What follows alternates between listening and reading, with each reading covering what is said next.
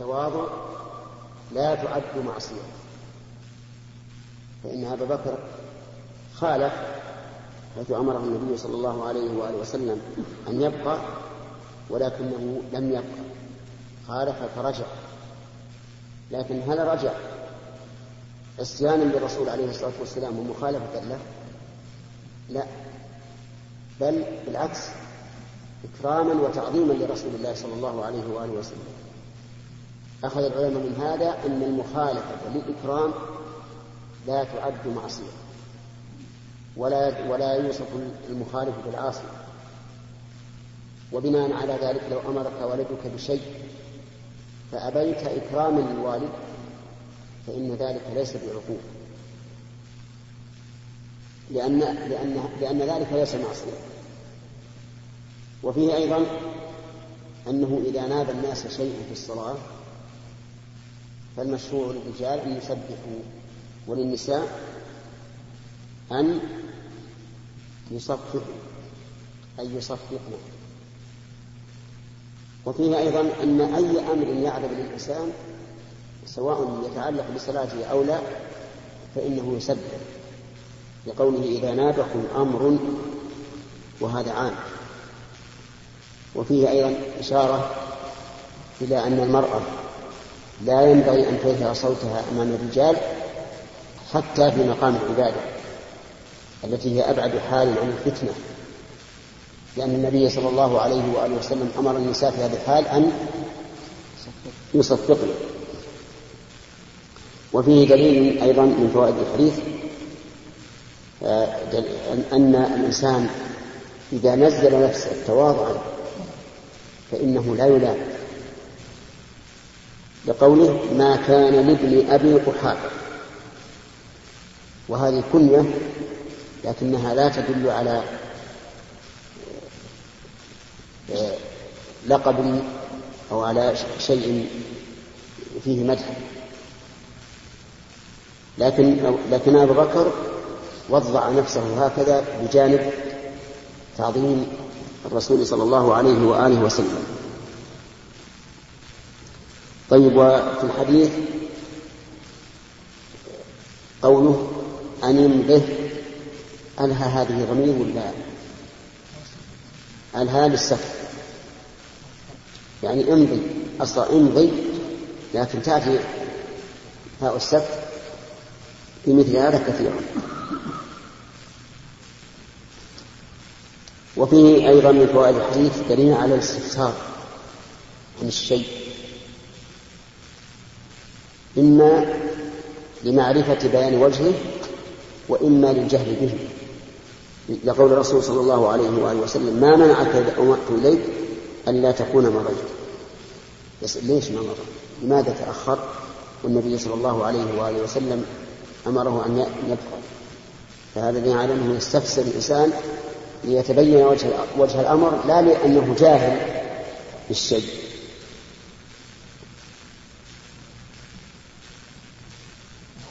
الانتقالات في الصلاة من إمامة إلى ائتمام كما في هذا الحديث ويصح من ائتمام إلى إمام عكس هذا.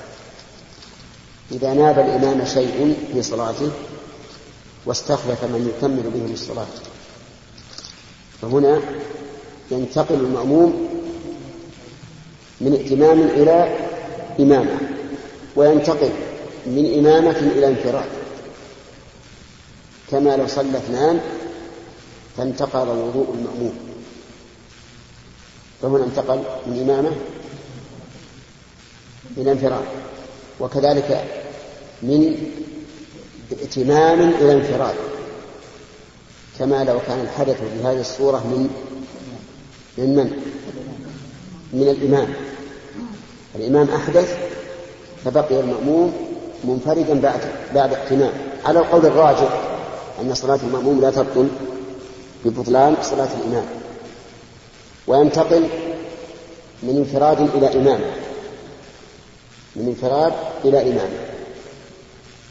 كما لو دخل وحده ثم دخل معه آخر. فإن ذلك صحيح في الفرض وفي النفل وقيل لا يصح لا في الفرض ولا في النفل وقيل يصح في النفل دون الفرض والصحيح أنه صحيح في النفل والفرض لأن النبي صلى الله عليه وآله وسلم صلى وحده فقام ابن عباس معه فأجاز وما ثبت في الفريضة ثبت في النافلة إلا بدليل. طيب يصح أن ينتقل من من انفراد إلى ائتمان من انفراد إلى ائتمان مثل أن يشرع الإنسان في الصلاة وحده ثم تحضر جماعة فيدخل معهم فإن ذلك لا بأس به. والمهم أن جميع الانتقالات التي تعود إلى وصف فإنها جائزة. ويصح الانتقال أيضا من مأموم من إمام إلى إمام آخر كما في قصة أبي بكر هذا. فإن الناس انتقلوا من إمامة أبي بكر إلى إمامة النبي صلى الله عليه وآله وسلم. أما الانتقال من عبادة إلى أخرى من جنسها فالانتقال من معين إلى معين أو من مطلق إلى معين لا يصح. انتقال من معين إلى معين أو من مطلق إلى معين لا يصح. مثال معين معين انتقل من صلاة الظهر إلى العصر ومن صلاة العصر إلى الظهر. كرجل دخل في صلاة العصر ثم ذكر أنه صلى الظهر بلا وضوء فنوى هذه للظهر. فإنها لا تصح لا للظهر ولا للعصر. لماذا؟ لا تصح للعصر لأنه انتقل عنها ولا تصح للظهر لأنه لم يبتدئها من تكبيرة الإحرام. أول الصلاة كان العصر ولا تصح الصلاة المرتبة ومن مطلق إلى معين كما لو كان يتنفل نفلا مطلقا ثم ذكر أنه لم يوتر. فنواه للوتر فإنه لا يصح. أو تذكر أنه لم يصلي أنه صلى الفجر بلا وضوء فنواه للفجر فلا يصح. ومن مطلق ومن معين إلى مطلق يصح. وذلك لأن المعين يشتمل على نيتين نية مطلقة ونية معينة. فالذي يصلي الفجر مثلا نوى صلاة وفجرا. فإذا ألغى الفجر بقيت نية الصلاة. فلو فرض أن رجلا شرع في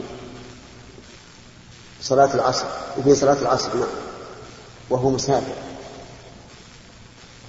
وصلاة المسافر ركعتان.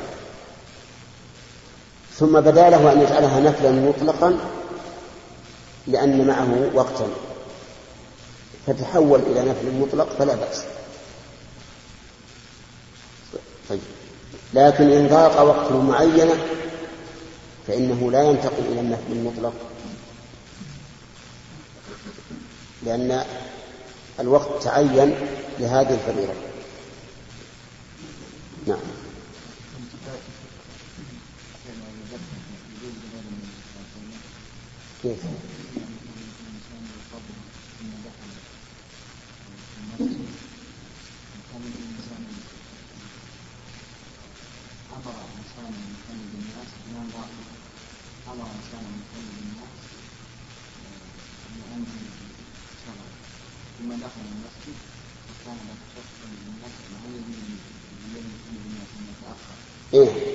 يعني لو لو لو أن نائب الإمام الراتب. في أثناء الصلاة دخل الإمام الراتب. فلا بأس أن يتقدم ويكمل به لكن الأفضل أن لا يفعل.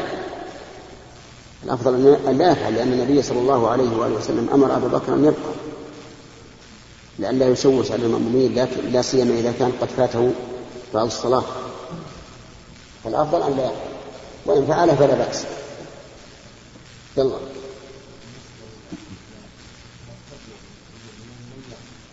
لن أن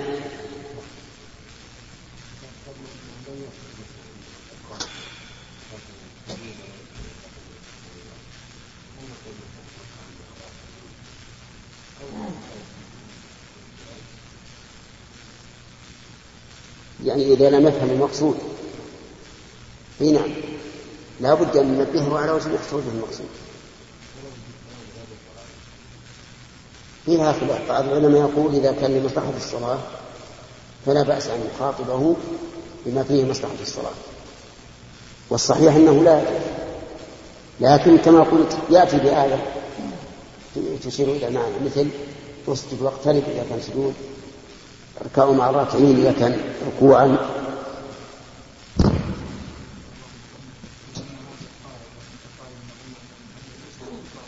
نعم.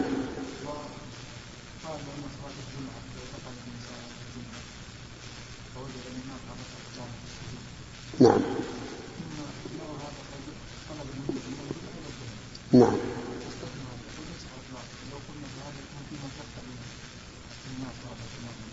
نعم. هذا غير صحيح. هذا غير صحيح. أولا لأن المشهور عند الفقهاء رحمهم الله أنه إذا لم ينوي الظهر من دخل فإنها لا تجزئ عن الظهر حتى لو نواها وعلى هذا فإذا علم أن هذه الركعة الأخيرة وأنها فاتته ينويها ظهرا يدخل بنية الظهر. هذا هذا هذا قول. أنه لو نوى بعد أن سلم الإمام أنه يقوم على أنها الظهر فإنها لا تجزئ عن الظهر. وعلى القول الثاني أنها تجزئه يقول لأن هذه بدل عنها. ما هي مستقلة. والكلام في الانتقال من معين إلى معين في مستقل. أما هذه بدل فكأنها هي تنقلب تنقلب تلقائيا إلى إلى الظهر. نعم. باب يستحب للكاتب أن يكون أمينا عاقلا. حدثنا محمد بن عبيد بن عبيد الله أبو ثالث قال حدثنا إبراهيم بن سعد عن ابن شهاب عن عبيد بن السباق عن زيد بن ثابت أنه قال بعث إلي أبو بكر لمقتل أهل اليمامة وعنده عمر. فقال أبو بكر إن عمر أتاني فقال إن القتل قد استحر يوم اليمامة بقراء القرآن وإني أخشى أن يستحر القتل بقراء القرآن في المواطن كلها فيذهب قرآن كثير وإني أرى أن تأمر بجمع القرآن قلت كيف أفعل شيئا لم يفعله رسول الله صلى الله عليه وسلم؟ فقال عمر هو والله خير فلم يزل عمر يراجعني في ذلك حتى شرح الله صدري بالذي شرح له صدر عمر. ورأيت في ذلك الذي رأى عمر. قال زيد قال أبو بكر وإنك رجل شاب عاقل لا نتهمك. قد كنت تكتب الوحي لرسول الله صلى الله عليه وسلم فتتبع القرآن فاجمعه. قال زيد فوالله لو كلفني نقل جبل من الجبال ما كان بأثقل علي مما كلفني من جمع القرآن. قلت كيف تفعلان شيئا لم يفعله رسول الله صلى الله عليه وسلم؟ قال أبو بكر هو والله خير فلم يزل يحث مراجعتي حتى شرح الله صدري للذي شرح الله له صدر أبي بكر وعمر. ورأيت في ذلك الذي رأيا فتتبعت القرآن أجمعه من العسر والرقاع والمخاف وصدور الرجال فوجدت آخر سورة التوبة. لقد جاءكم رسول من أنفسكم إلى آخرها مع خزيمة أو أبي خزيمة فألحقتها في سورتها وكانت الصحف عند أبي بكر حياته. حياته حتى توفاه الله عز وجل ثم عند عمر حياته حتى توفاه الله ثم عند حفصة بنت عمر. قال محمد بن عبيد الله اللخاف يعني الخزف. يقول مالك رحمه الله تعالى باب باب ما يستحب أو باب يستحب للكاتب أن يكون أمينا عاقلا. وتعبير المؤلف رحمه الله بالاستحباب فيه نظر والصواب أنه يجب أن يكون أمينا فإن الأمانة شرط في كل ولاية. قال عفريت من الجن أنا آتيك به قبل أن تكون من مقامك وإني عليه لقوي أمين. وقالت إحدى البنتين بنتي صاحب مدين يا أبت استأجره إن خير من استأجرت القوي الأمين. فالأمان الشرط في كل عمل في كل عمل ذي ولاية. وأما قوله عاقلا فالعقل يريد به رحمه الله عقل الرشد لا عقل الإدراك لأن عقل الإدراك شر ولا يمكن أن يولى كاتب مجنون. لكن مراد عقل الرشد أي أنه يكون رشيدا في كتابته وفي نظره بعيد النظر حتى يتم الأمر فيما ينبغي. ثم ذكر حديث زيد بن ثابت رضي الله عنه قال بعث إلي أبو بكر لمقتل أهل اليمامة يعني عند مقتل عند مقتل أهل اليمامة وعنده عمر. يعني لم يبعث للمقتل لكن عند المقتل. واللام هنا فهي في قوله تعالى أقم الصلاة لدلوك الشمس أي عنده. وعنده عمر فقال أبو بكر إن عمر أتاني فقال إن القتل قد استحر يوم اليمامة بقراء القرآن. استحر يعني اشتد. وقتل منهم نحو سبعين قارئ. وهؤلاء يؤثرون في ذلك الوقت. يقول وإني أخشى أن يستحر القتل بقراء القرآن في المواطن كلها فيذهب قرآن كثير. القائل القائل عمر. وإني أرى يقول عمر أن تأمر بجمع القرآن. هذا الأدب في اللفظ أرى أن تأمر. ولم يقل أرى أن يجمع بل قال أرى أن تأمر. لأن الأمر لمن؟ لأبي بكر. بجمع القرآن. فقلت يقول أبو بكر كيف أفعل شيئا لم يفعله رسول الله صلى الله عليه وآله وسلم؟ وهو عبادة لأن حفظ القرآن من العبادة بل من أفضل العبادات. فكيف يفعله؟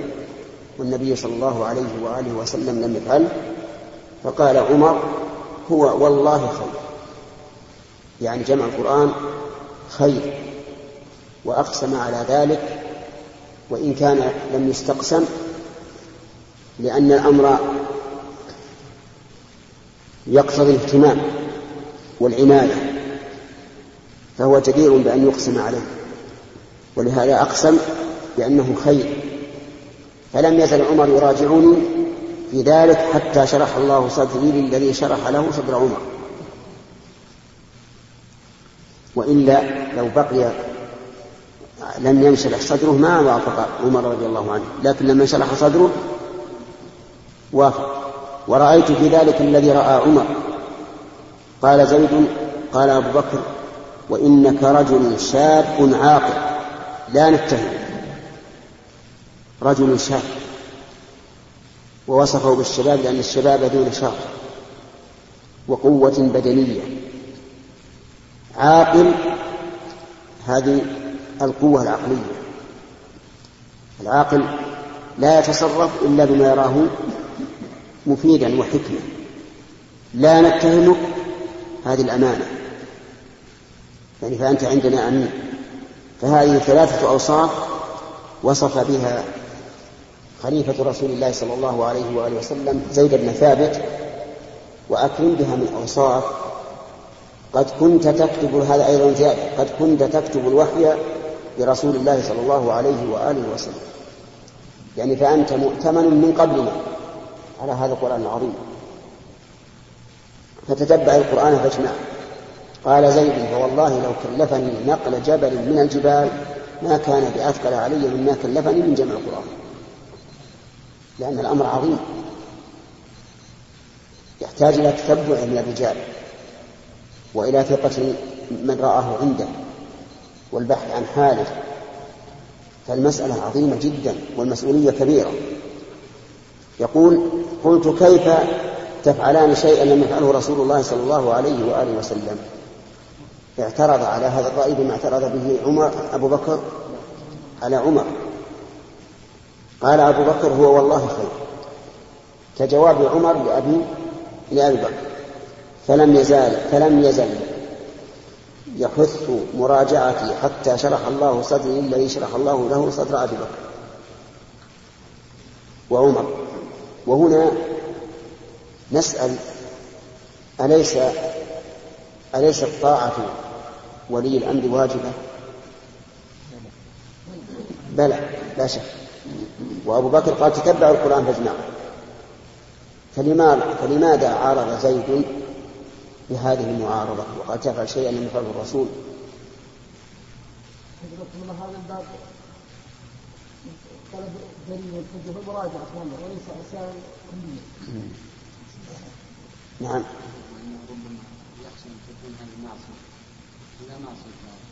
لا طاعة المخلوق. نعم. الله أعلم الظاهر إن هذا من باب شك زيد لأن النبي عليه الصلاه والسلام لم يأمر بذلك من قبل. فهذا ليس من باب المعصية لكن باب التردد فقط. يعني ما ظن أنه معصية لأنه اعترض قال لم يفعل الرسول. فيكون بدعة. هو تردد لأن الرسول لم يفعل ما اعترض فيكون. نعم. إذا لم يفعل الرسول وهو من العبادات يكون. كيف؟ كتابة القرآن؟ القرآن. جمع وكتابة نعم.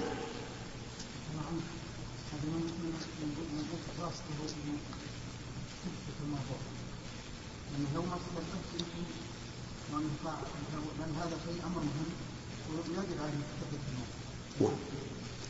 وعلى كل حال كل هذه تحتمل ويحتمل انه, إنه قال ذلك من أجل أن ينشرح صدره لهذا العمل.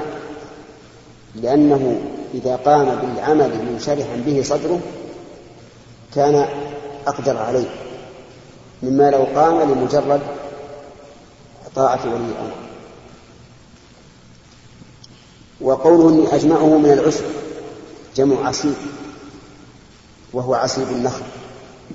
وكانوا يقشرون العصيب يقشرونه ويكتبون فيه.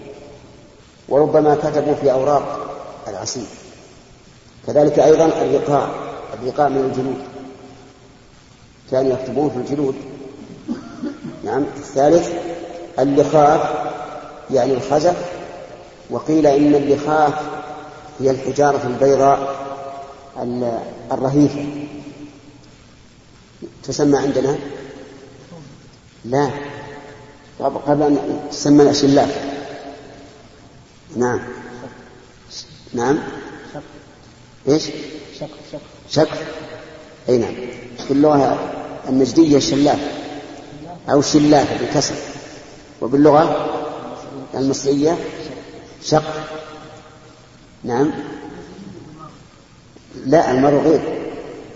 على كل حال هي مثل اليد هكذا مثل اليد يعني سقيفة يكتب فيها.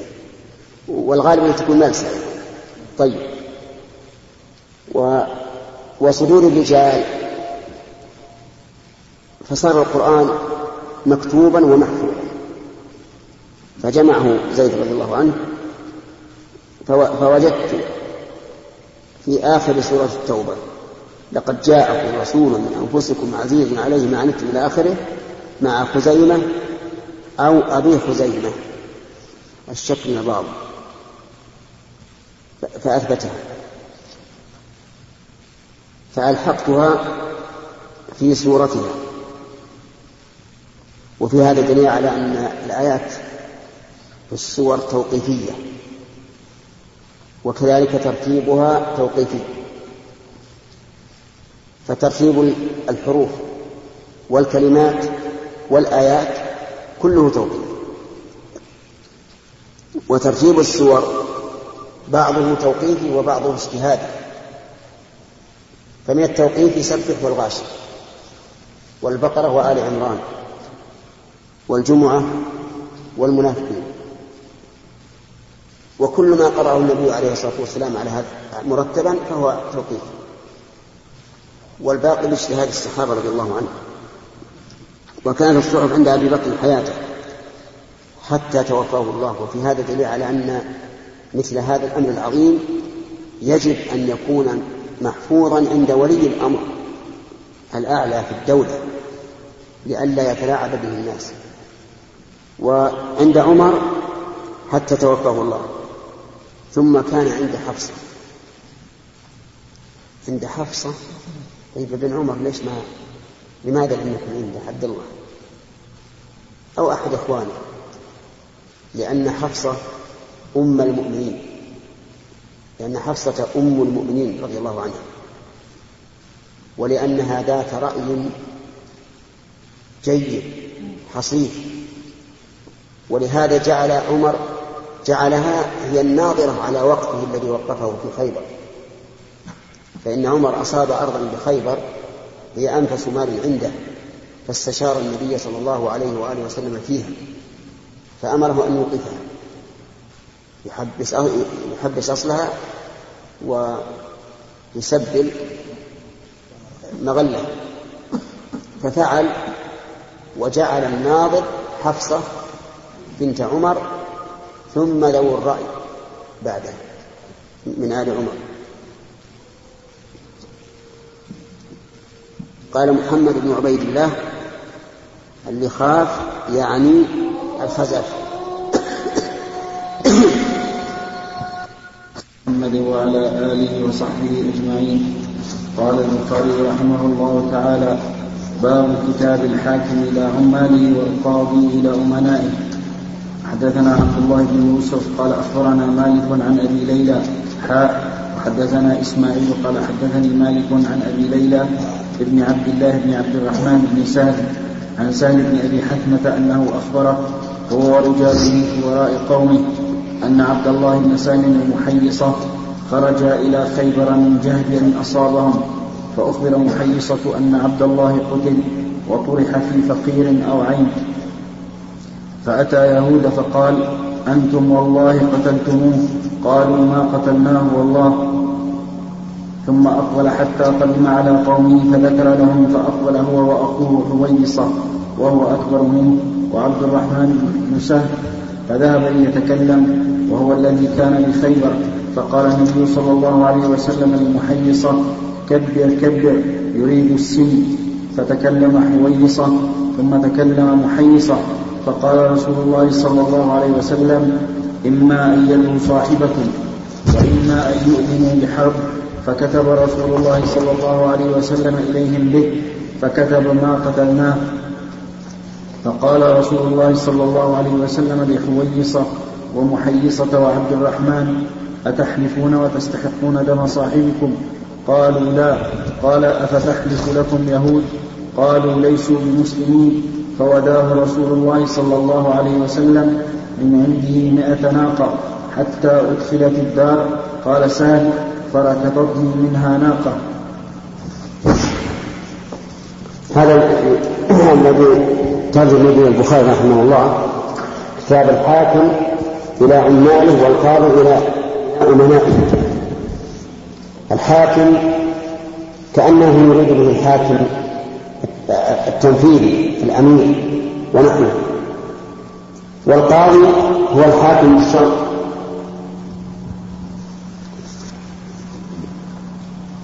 ثم ذكر حديث عبد الله بن سهل ومحيصة حيث خرج إلى خيبر فقتل عبد الله بن سهل.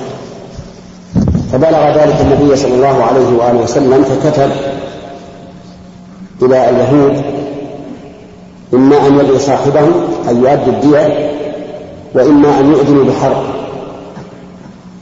لأن هذا نقض للعهد الذي بينهم وبين الرسول صلى الله عليه وآله وسلم. فكتبوا أنهم لم يفعلوا شيئا لم يقتلوه. فطلب النبي صلى الله عليه وآله وسلم من بني سهل أن يحلفوا خمسين يمينا ويستحقوا دمه. فقالوا لا لا نحلف ونحن لم نرى ولم نشهد. فقال يحلف اليهود خمسين يمينا. فقالوا لا نقبل لأنهم غير مسلمين. فوداه النبي صلى الله عليه وآله وسلم من عنده. من إبل من إبل بيت المال ويحتمل أن يكون من إبل الصدقة لكن الأول أظهر لأن إبل الصدقة لأصحابها.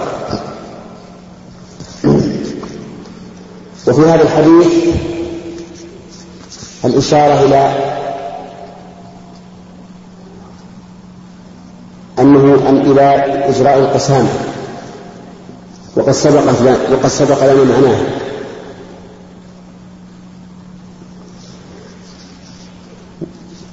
وهي أيمان مكررة في دعوى قتل معصوم.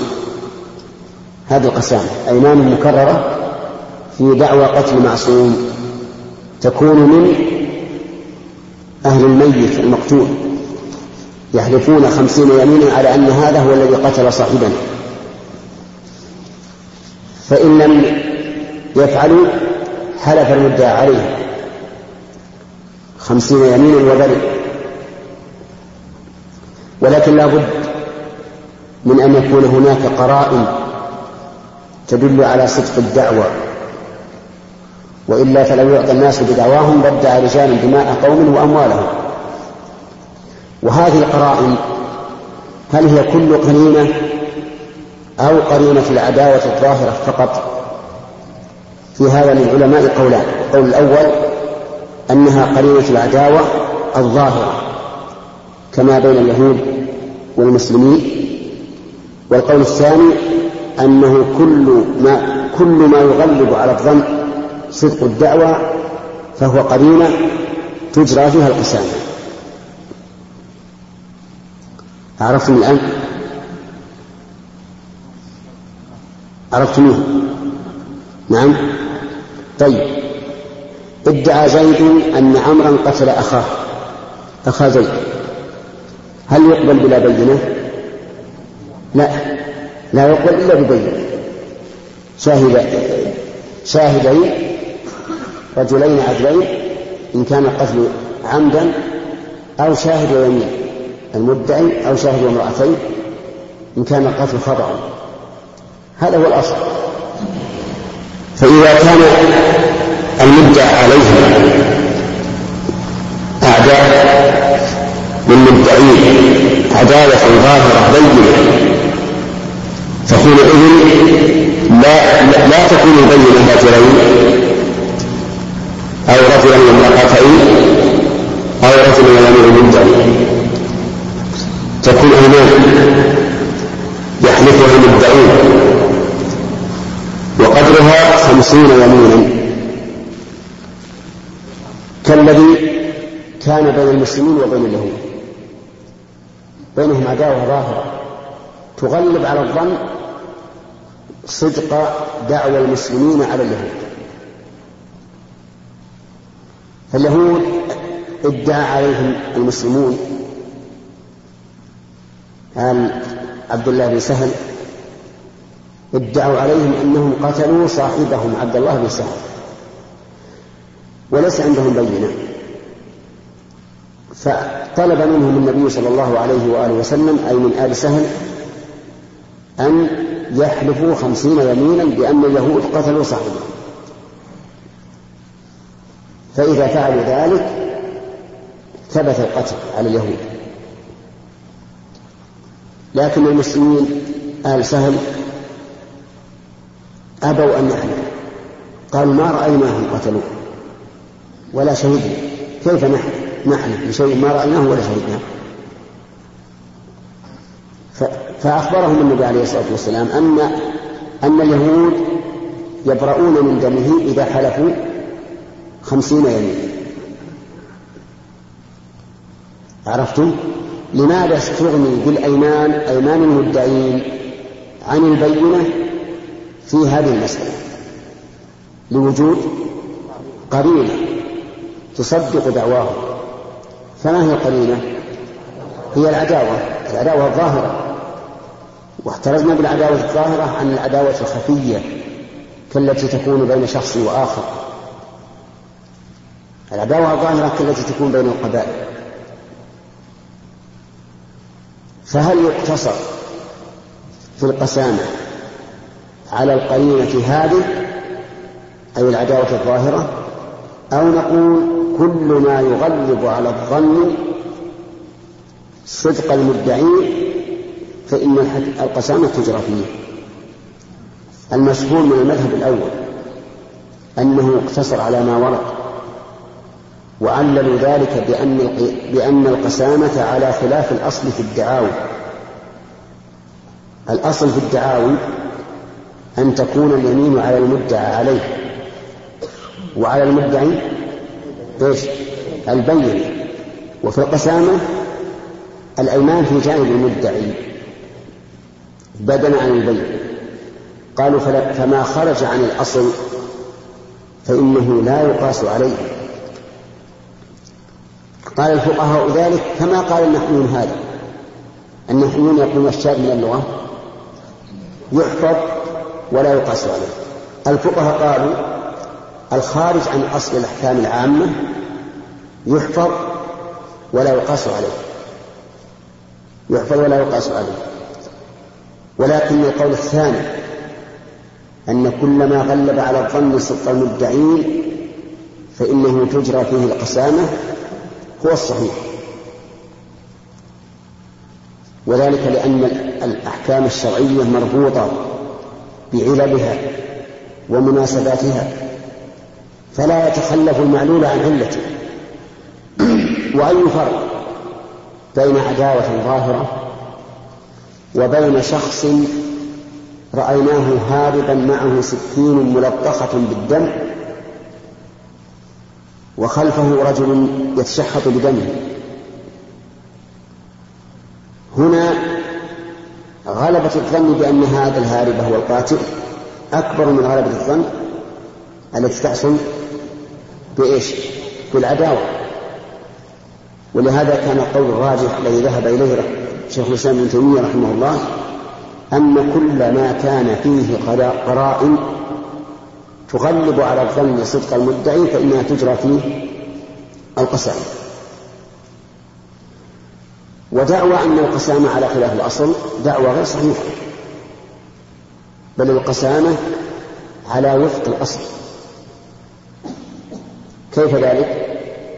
لأن اليمين إنما تكون في جانب أقوى المتداعيين. اليمين ما خاصة في جانب المدعى عليه في جانب أقوى المتداعيين.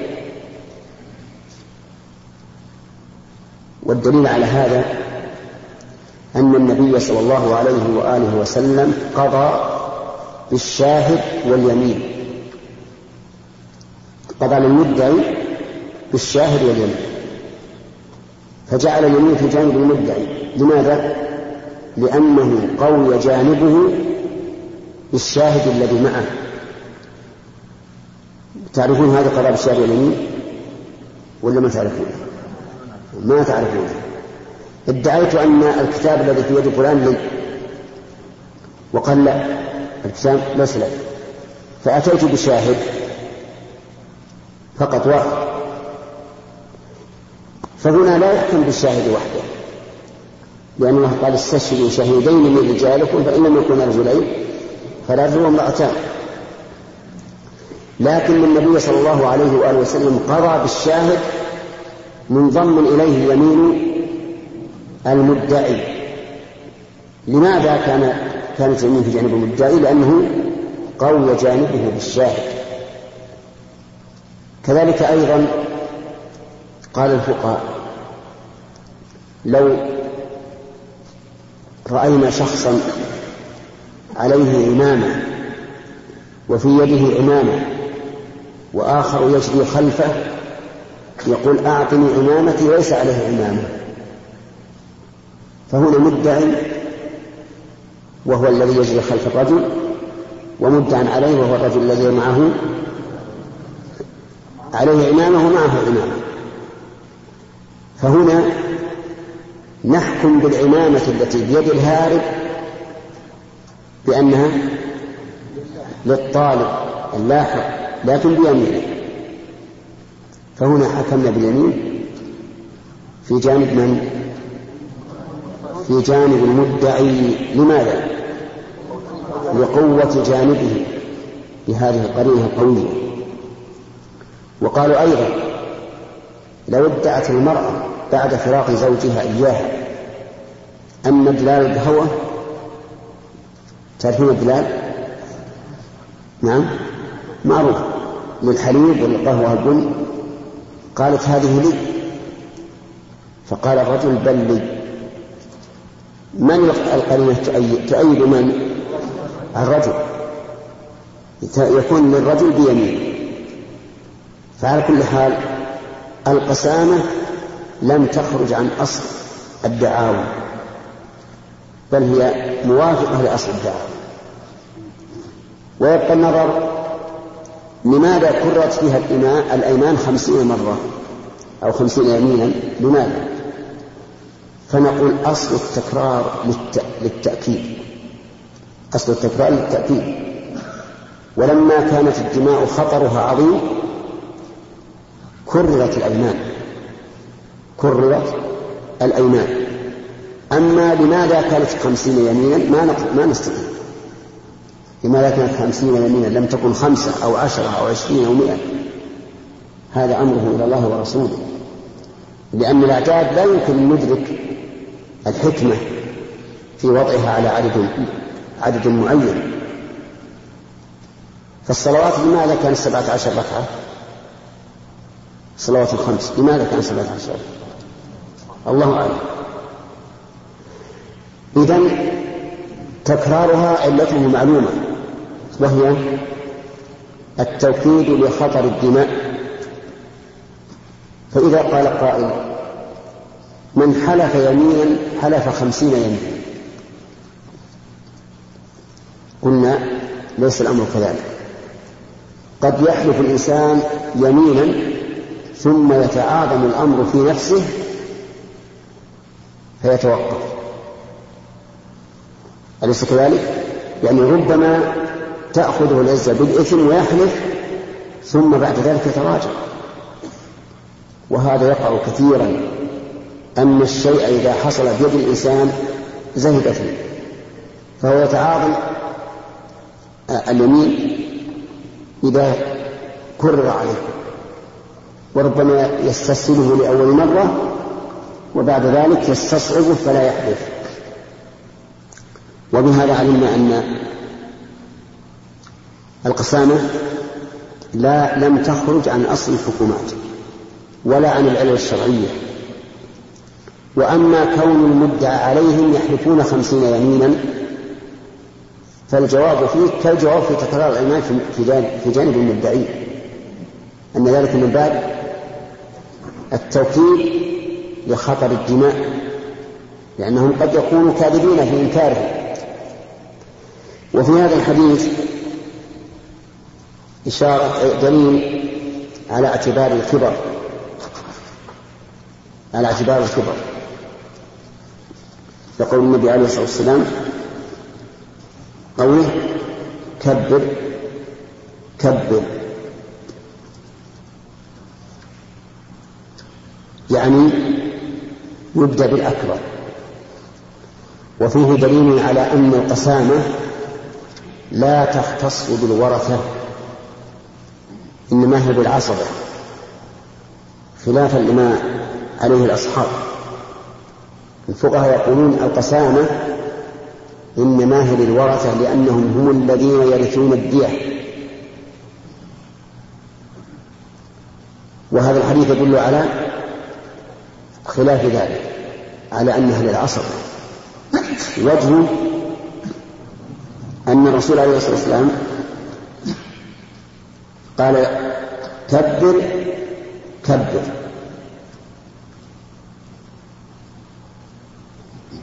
مع أن هؤلاء ليسوا إخوة معهم أخ و وهم بنو عم وليسوا إخوة.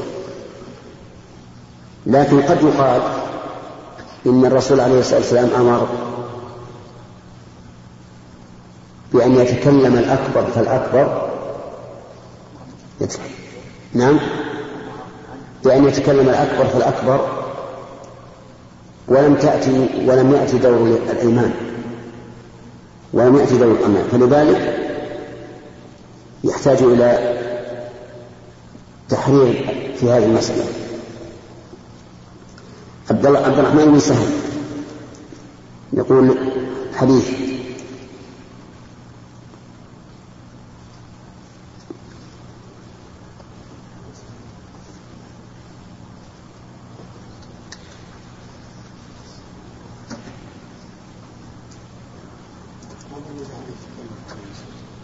نعم.